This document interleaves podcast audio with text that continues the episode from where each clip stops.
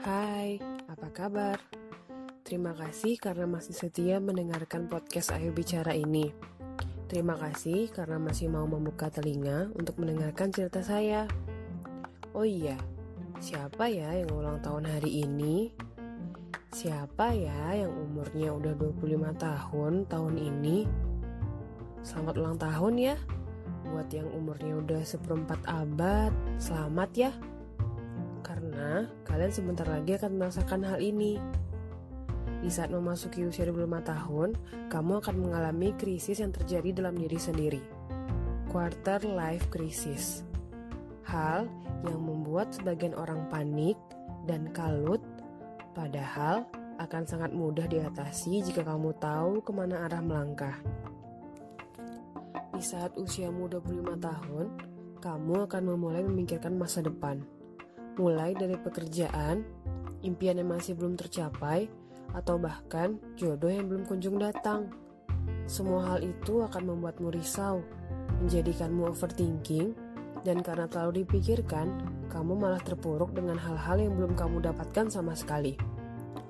Waktu saya kumpul sama teman-teman, ada yang bilang gini, Orang lain waktu umurnya udah 25 udah bisa beli Mercedes Benz.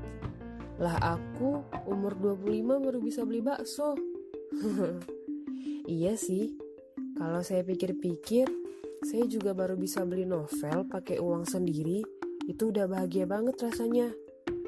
Itu akan menjadi krisis yang pertama tentang pencapaian yang berbeda dari orang lain kemudian akan berkembang menjadi insecure yang berkepanjangan.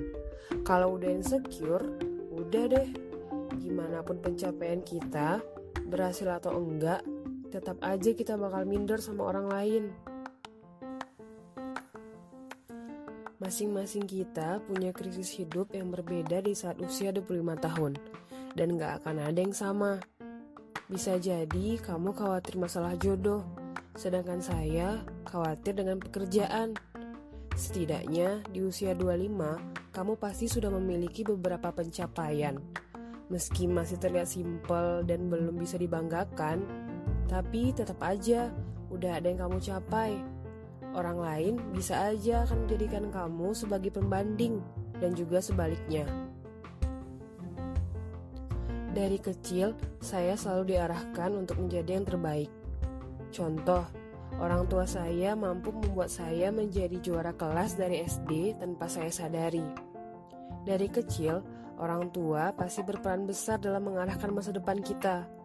Tapi, bukan berarti orang tua menuntut kita untuk menjadi orang lain. Dari kecil, memang semua pilihan hidup masih bergantung pada orang tua. Tapi, waktu umur kamu udah 25, kamu sudah cukup matang untuk menentukan hidupmu sendiri tanpa campur tangan orang lain. Kamu sudah harus bisa menjadi manusia terbaik versi kamu. Krisis hidup itu nanti akan berakhir dengan sendirinya ketika kita bisa mengatasinya dengan bijak dan penuh pertimbangan.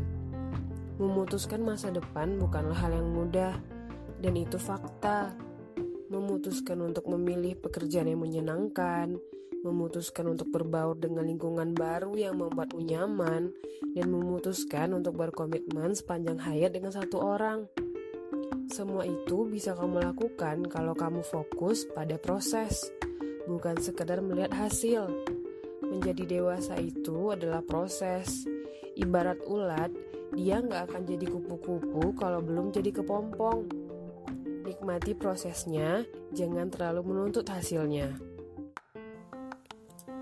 Tapi saya yakin, sebesar apa pun krisis yang sedang kamu alami sekarang, kamu masih punya Allah yang maha mengetahui atas semua takdirmu. Dia satu-satunya zat yang mampu mengarahkan lajunya kapalmu dan dia tidak akan membiarkanmu karam karena menambah karang. Mintalah padanya dengan sungguh-sungguh agar dia menenteramkan hatimu, menerangi setiap langkahmu dan meridoi semua keputusanmu.